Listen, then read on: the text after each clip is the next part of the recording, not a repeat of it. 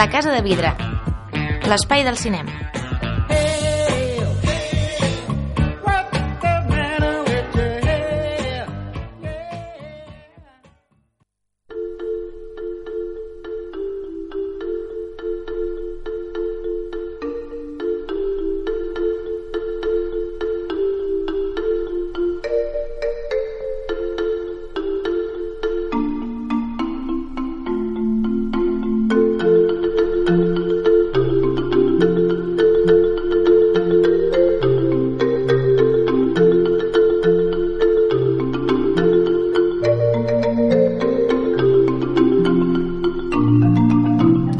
Hola, benvinguts una setmana més a la Casa de Vidre. No us heu equivocat d'any, perquè si sou fidels eh, oients d'aquest programa, fa molts anys ja, eh, no recordo quina temporada exactament, però aquesta era la música en la que començava la Casa de Vidre, era la música de sintonia, una música que òbviament és de Hans Zimmer, que és el compositor a qui dediquem aquest mes de maig, i amb qui començarem i acabarem el programa. En aquest cas serà una música d'Amor a quemarropa, aquella pel·lícula de Tony Scott amb guió de Quentin Tarantino i de fet és una cançó que és molt similar o gairebé calcada hi ha qui l'acusa de plagi a Hans Zimmer d'una composició de Karl Orff Gessenhauser que per exemple sonava a, a Males Tierres de Badlands i que realment busqueu-les i us fa curiositat perquè són clavadetes tot i així, jo, les dos m'encanten i, realment el, el to guapo d'aquesta cançó, de fet per això va ser sintonia de la Casa Vida, ens encanta aquest You're So Cool. I jo uh, també, jo la vaig escoltar Finding Forrester més, més tard. Ah, doncs eh, clar, sí, és que al final sí, deu estar més una pel·lícula, òbviament. Sí, sí. aquesta eh, música peça de música clàssica, no? Eh, Marta Bosch, què tal? Molt bé, mira, avui substituint un altre cop al Víctor. No, home, aquesta, no, aquesta nit el paper tenim... d'en Víctor interpretarà... el tenim encara a Can, eh, gaudint, sí. suposo, del Recollim cinema. molt material.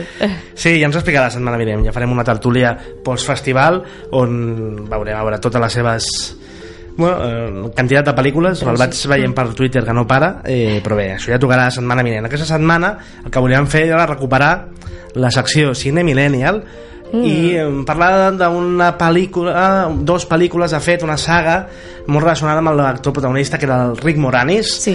que últimament ha estat de notícia, en parlarem i que és d'aquests actors que surt molt en aquests reportatges no? de què fue de, què fue de aquests sí. vídeos a YouTube o aquests articles que circulen eh, enlaces patrocinados al final de qualsevol web actual i per això la volem portar a Cine Millennium i recorrer-la amb una mica de nostàlgia no? també farem zona crítica del documental Maria Baicales i si ens dona temps farem una mica de repàs d'estrenes que venen carregades amb el Deadpool, la segona part Mm, moltes va, ganes, eh? Agafem els bàrtols i comencem. Som-hi.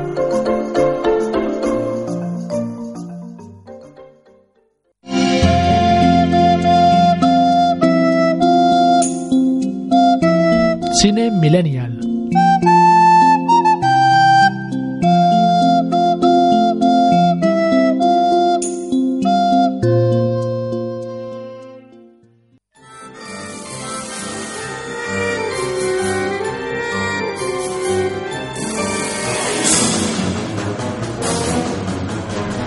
Doncs bé, Cine Millennial, una secció dedicada als nostàlgics de, de l'època que ens ha tocat viure els millennials, perquè recorrem, hi ha molta confusió amb el tema. Sí, a veure, posem les coses sobre la molta taula. Molta gent, eh, ho sents per ràdios, per teles, quan par parla de millennials, doncs fan reportatges de nens de 15 anys. No, això no són millennials. No tenen ni idea. Aquells són els de generació Z, nosaltres, els millennials, som els de la Y, i malgrat que molts teòrics eh, divergeixen no? en col·locar un any, van des del 78, alguns teòrics al 80, 84, el que queda clar és que l'espai entre el 83, 84 com a inici i 97, 97 com a final, és a dir, si sou nascuts entre aquests anys sou millennials i per tant, Enhorabona. com a mi m'ha de definir-ho eh, en, cinema, en cinema, si sou millennials de cinema, és que veu tocar la partitura de Titanic en flauta al cole no? Per Com això el Víctor interpreta tan dolçament Exacte. a la nostra secció. I uh, o el, el primer nu femení que va veure al cinema va ser el de Titanic, el de Kate Winslet és que és així uh, Amb la mà. exacte, allà molts uh, vam passar una fase no? eh, per tant aquí parlem de pel·lícules d'això dels 80, 90 que hem, hem vist molt durant la nostra infantesa i que malgrat que bé, puguin ser discutibles, no la qualitat, o puguin variar eh, de gustos. Eh, Són indiscutibles a nivell emocional. Exacte, perquè tal qual. sempre tindran un lloc al nostre cor. I, i tant. La primera va ser dedicada a Hook, que malgrat que molts la, la tinguin com la pitjor pel·li de Spielberg, els millennials sempre estarà al nostre cor, i és, és brutal. Sí. Quin enganyó Roger Rabbit va ser la segona, que sí que Obra mestra. independentment de la nostàlgia que podem tenir és una obra mestra, mm -hmm. això és indiscutible i ara estaríem més en territori mig no? perquè parlarem de Cariño encogido a los niños Oh. i la seva seqüela Cariño encogido ai, he agrandado al niño. Ja veiem una miqueta el, el rotllo. Una pel·lícula, la primera, que es va est- estrenar el 1989 mm, números de box office bastant interessants. 130 milions als Estats Units que amb xifres actuals per la inflació serien uns 300 milions. Per Déu-n'hi-do. tant, qui els pillés avui en dia? Vull dir, moltes pel·lícules matarien pels mm. aquests números. I en general al món en total van ser uns 200 i pico que es traduirien uns 500 la segona part ja va ser més forçada no? uns quants més, anys més tard el 93 estaríem parlant d'uns 56 milions de recaptació la meitat, o més de la meitat eh, però que avui en dia això serien 129 per tant, déu nhi també i en total uns eh, 76 milions a l'època a tot el món eh, va, per començar, ficar-nos en sintonia que ens agrada també aquesta secció, recuperem el VHS posem la cinta i escoltem el tràiler original de Cariño encogido a los niños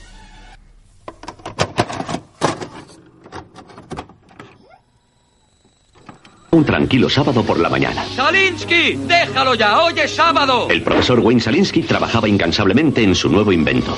Esto será tan importante como el descubrimiento de la electricidad. Pero no funcionaba muy bien. ¿Has conseguido que funcione? Le faltan unos arreglos. Entonces ocurrió algo inesperado. ¿Y los niños? No los he visto desde esta mañana. Había encogido a los niños. Nick, ¿qué ha pasado? Funciona. Diane, tengo que decirte algo muy importante. ¿Intentas decirme que la máquina funciona? ¿Lo saben los chicos? Pues sí, lo saben. Eso es fantástico. No tan fantástico. ¿Por qué? Porque los he encogido. Y también a los de los Thompson. Son así de pequeños, los he tirado a la basura. ¿Qué? Están en el jardín. Walt Disney Pictures presenta una gran sorpresa. Papá lo arreglará, ¿no, Nick? ¡Ah! ¡Es el irrigador! Con su tamaño el jardín es como una selva. ¡No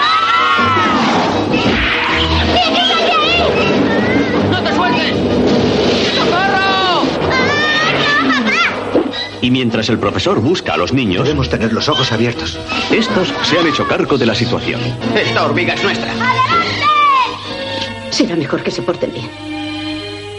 Aquí pasa algo raro. ¿Qué es eso? ¡Un terremoto! No, algo peor. ¡La cortadora de césped! Rick Moranis es el profesor Wayne Salinsky. ¿Insinúas que esa ¿Ha máquina...? destrozado a mis hijos? No, no, no. Si la máquina los hubiera destrozado, habría restos por todas partes. Wayne. ¿Han denunciado la desaparición de unos chicos? Debe de haber un error. Los nuestros están en el jardín. ¿Verdad, cariño? Cariño, he encogido a los niños. Somos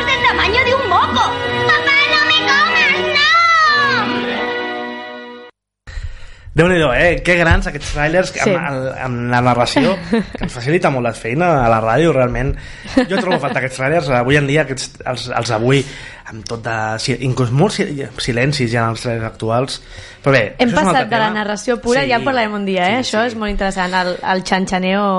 Tal qual. Eh, una pel·lícula, bé, el, tra el trailer ja ens mm, definia bastant la, la història, no, Marta? Mm, Sí. La família Salinsky, un pare que és inventor d'aquests eh, doctors xiflado, no? Una mica MacDoctor que té la casa plena d'invents, que sí, l'aturadora fa no sé què, el, el Sí. correu, tot de màquines, no? I dintre d'unes màquines té aquesta màquina que, en la que experimenta com eh, fer petits eh, les persones o els objectes, no? I Mhm. Per equivocació, per error, els nens Surt malament. Bueno, els nens crec que es colen al... es colen al seu laboratori juntament amb els veïns Mm. i bé, es- s'encongeixen i acaben tirats a la basura a, a les deixalleries del, del jardí i bueno, han de sobreviure no? tornar a casa i que els seus pares no, no els esclafin o no se'ls mengin no? amb aquella escena dels cereals etc etc. Una pel·lícula d'aventures pura i dura tu quin record tens d'aquesta pel·li Marta? Jo, la veritat és que tinc un record molt bo, de fet, d'aventura pura i dura, Mm. de com de sobte tot el jardí es transforma en una amenaça i qualsevol detall Sí. és, és gr- grandiloquent i és un bueno, monstre. A més amb el joc visual, no? que això dona per exemple, pel·lícules no? mítica com el, el, el que ve un menguante pues seria una versió Exacte. familiar no? d'aquesta història o el Chip Prodigioso que uns anys abans havia tam- sigut bastant un èxit també amb Martin Short que s'encunyien i es posaven dintre del cos d'una persona eh, clar, això a nivell cinematogràfic dona per situacions divertides com doncs, escapar-se un insecte que sembla un monstre no? Sí, jo recordo cereals. Mm. agafats els pèls d'una abella. Cert. Anaven com, com si cavalquessin un cavall. O recordo també amb molta estima eh, que troben una peça de Lego sí, i allà s'hi queden a dormir i tu la veus com si fos un edifici de tres plantes i en el fons és una petita peça. un concepte com d'això, de, ser- de pel·lícula de sèrie B dels 50 però portada al cinema familiar dels 80, una família Mm. suburbana, allò eh, benestant, el, i l'aventura infantil, perquè en el fons és una pel·lícula infantil o juvenil, Sí. que mm, per això va triomfar tant, no? El director va ser Joe Johnston, que va ser la seva primera pel·lícula, de fet, és un Cert. director que després hem anat veient en pel·lícules com Jumanji, Jurassic Park 3, molt especialista en pel·lícules d'efectes especials, Capitán Amèrica, la Mhm. primera, El primer vengador, o Rocketeer, una de les meves pel·lícules que- que més he vist durant tota la meva vida, i és un, és un director que va debutar amb aquesta pel·lícula però que abans venia de l'escola Lucasfilm Exacte. va arribar a guanyar un Òscar com a, encarregat d'efectes especials per En busca de que perdida i va treballar a Star Wars a Willow va ser productor i dissenyador dels efectes especials un tio que visualment hi toca no? I, que, i que va resultar ser una gran elecció per a aquesta pel·lícula Mm, I la Battlestar Galàctica també. Sí? Vaig, Ah, vaig trobar efectes d'il·lustració Clar, temes Coses de disseny, que- il·lustració, sí, sí, sí. que descobreixes. Jo aquesta pel·lícula és curiós, eh? les dues tinc com records vívids de, de petit eh, relacionats amb aquestes pel·lícules. La primera, eh, la recordo com la primera pel·lícula que vaig veure a casa de la meva tieta, amb el seu VHS. És curiós, eh? perquè Ho associes a- a un sofà, a una I tampoc és televisió. que havia vist molt, moltes pel·lícules a, Sí. a casa de la meva tieta, però precisament aquesta és una d'elles Mm. i ho tinc molt associat. La se- següent pel·lícula, que la- va ser la seqüela, aquesta també la tinc molt associada a un record d'una excu- excursió amb el col·le i de típica pel·lícula et posaven mira. al, al VHS de l'autocar i em diria que és el primer cop que la vaig veure allà o el segon, o el que fos, però veus, la tinc molt relacionada és curiós aquestes coses, no sé si tu tens algun Jo les dues les tinc al mateix lloc, és el sofà de casa dels meus avis, Mhm. perquè tenien allà tota la biblioteca de VHS i anàvem a passar-hi la tarda. I sí que recordo amb, amb cert horror la, la segona part, perquè recordo que volien disparar el nen amb somnífers, no? una mica l'estil King Kong, i li acaben, el que comentàvem ara fora de micros, no? que l'acabaven adormint amb una, amb una nana, Mm. amb uns super altaveus... I era una també mica... agafava una guitarra gegant d'una tenda de guitarra Ah. una Les Paul allà i el nen et ficava a tocar era esperpèntic, sí. una segona part que diguéssim estirava el xiclet no? Correcte, sí, més... invertia l'efecte, no? en aquest cas es feia gran el nen petit, un nen que no havíem vist a la primera, era un nadó de dos anys els nens de la primera ja estaven més grandets ja anaven a, a la seva cosa no? el, el nen pues, buscant parella i, i, la, i la noia se'n anava a la, a la universitat Mm. i el més petit de la casa es convertia en un gegant eh, escoltem un clip de la pel·lícula que, de l'inici que és un exemple clar d'això que diuen els americans de foreshadowing que és en quatre o tres diàlegs avançar el que passarà a la pel·lícula, escoltem Tus manos son más grandes ya, tus brazos son más largos ya, y notas que tu cuerpo va creciendo más y más.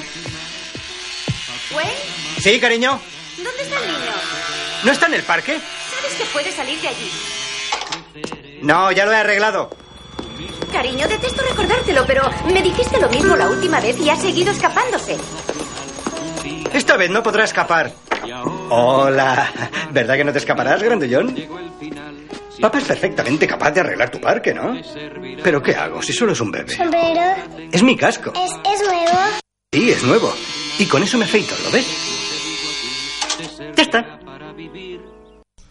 Rick Moranis, no? el pare, el Salinsky, anant a buscar el nen que està a un parque, allà a la casa i els, un dels sons que sentíem per exemple el casc que porta ell, un casc on s'afeita és allò que dèiem del Mad Doctor Sí. peniments estrafolaris i com, bueno, que, que grande eres no? o la, la nana que, que escolta tus brazos se hacen más grandes realment això que dèiem, va anticipant tot, tot el que passarà a la pel·lícula que si bé abans parlàvem de el que ve un hombre menguante aquí el referent seria la, el ataque de mujer a los 50 pies sí. o King Kong, no? pel·lícules de monstres que bé, veiem amb el nen aquí eh, convertit en un gegant eh, una pel·lícula que solidificaria la idea de, de les franquícies, perquè de fet mm, ara parlem molt de Disney no? i de com va tenir moltes franquícies no? que sigui Marvel, Star Wars a més però és una que ha fet sempre no? i aquestes sagues que ha explotat fins a societat al videoclub amb aquestes seqüeles directes a vídeo de Ja- Jafar eh, retorn...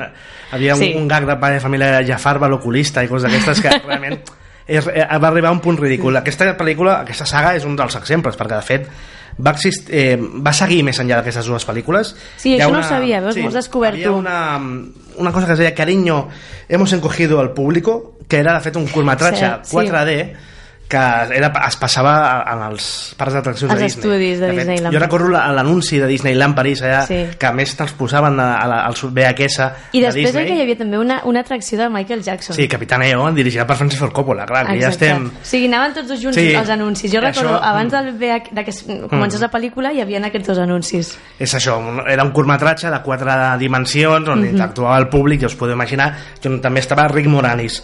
Uh, després va haver una seqüela directa a vídeo, Cariño, nos hemos encogido a nosotros mismos, Ja és on Rizal Rítxol sí, tal qual, de on també extrema. estava el Rick Moranis eh, i va anar això, directe a vídeo i al mateix 97 fins al 2000 va haver la sèrie Cariño encogido a los niños que aquí es passa a la televisió espanyola a, la, a, TV, a TV2, jo recordo haver-la vist que bé, ja no teníem el Rick Moranis teníem el Peter Scolari, un actor que, que havia sigut eh, parella còmica del Robin Williams als 70 però que de fet va anar cap a caiguda i, i això és l'últim que se li recorda així interessant però bé, ja veieu que, que va tenir vida més enllà d'aquestes dues pel·lícules tot i així, sí que podem dir que aquesta saga, Marta si hi ha algun nom que relacionem amb aquesta saga és Rick Moranis, És Rick Moranis. ni Joe Johnston ni tonteries Rick Moranis Jo crec que per tots ha quedat la, en el nostre imaginari com el, el pare més entranyable de, no, de, Mm. dels 80s i de fet per això hem triat sí. eh, aquesta saga perquè estat d'actualitat últimament Mhm. perquè s'ha comunicat que finalment es farà el documental sobre Second City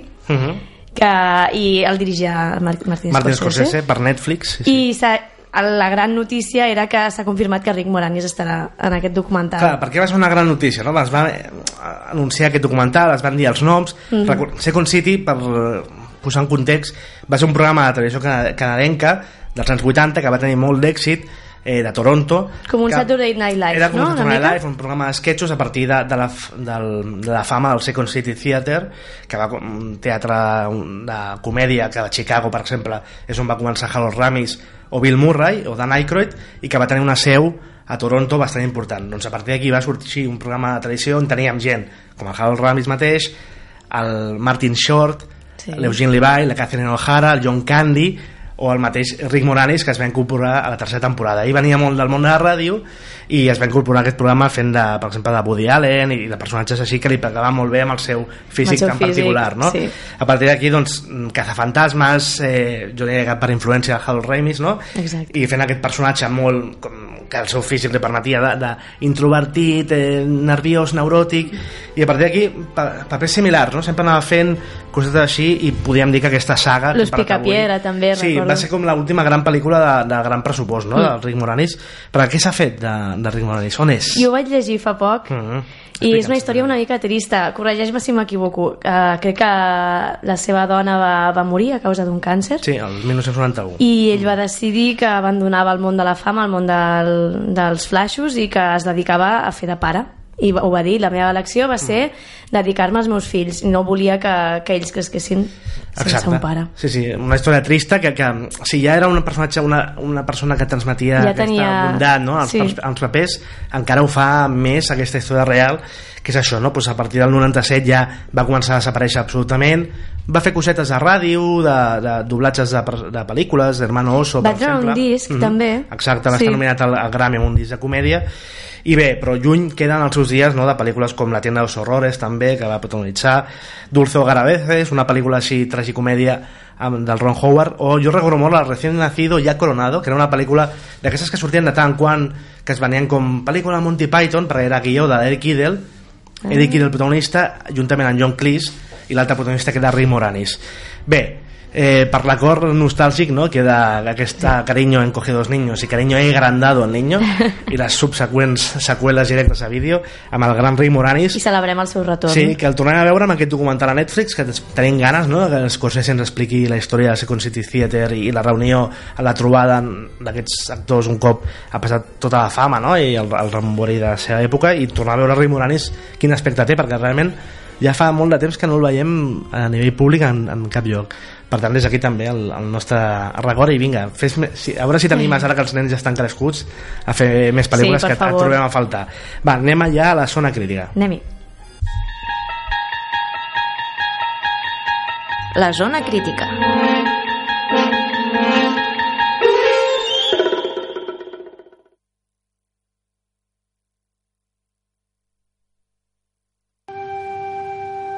Hay dos personas dentro de mí. Me gustaría ser María, pero está la Calas, de quien debo estar a la altura. Así que lucho con ambas como buenamente puedo.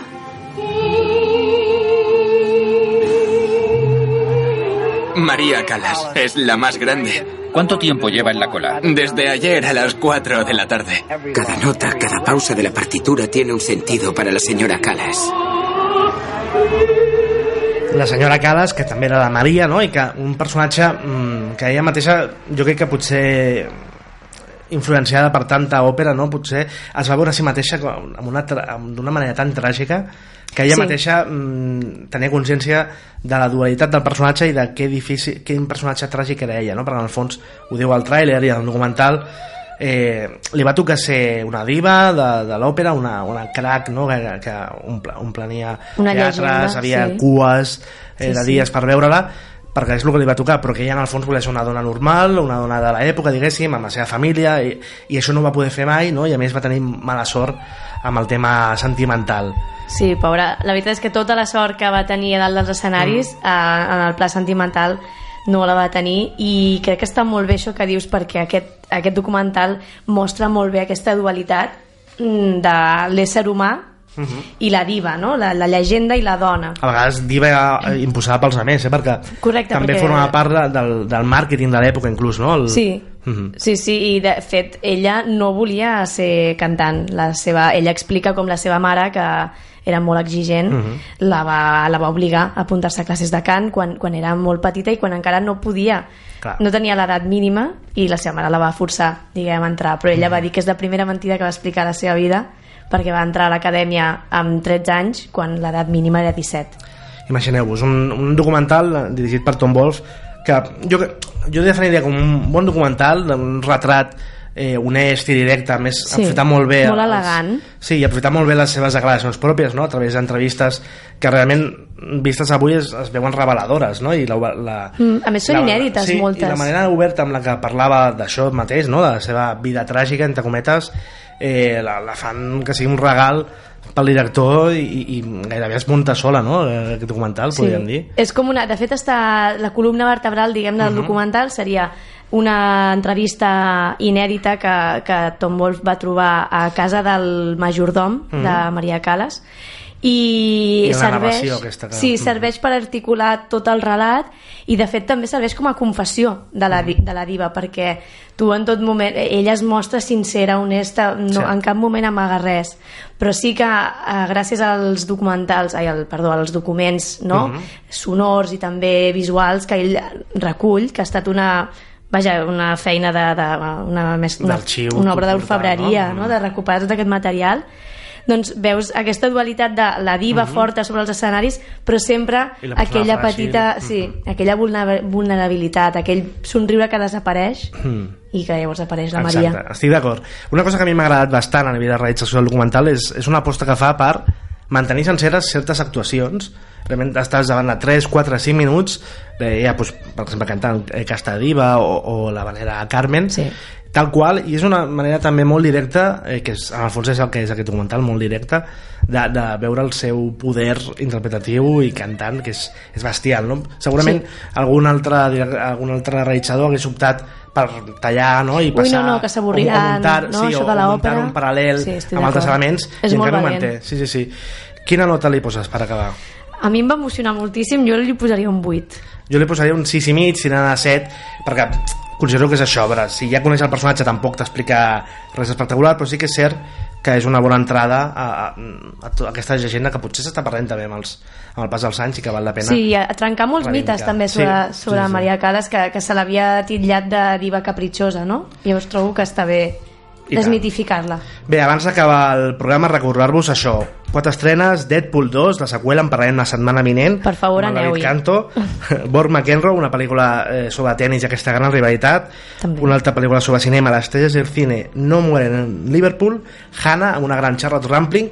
I El taller d'escritura, una pel·lícula delicada, francesa, que també està molt bé.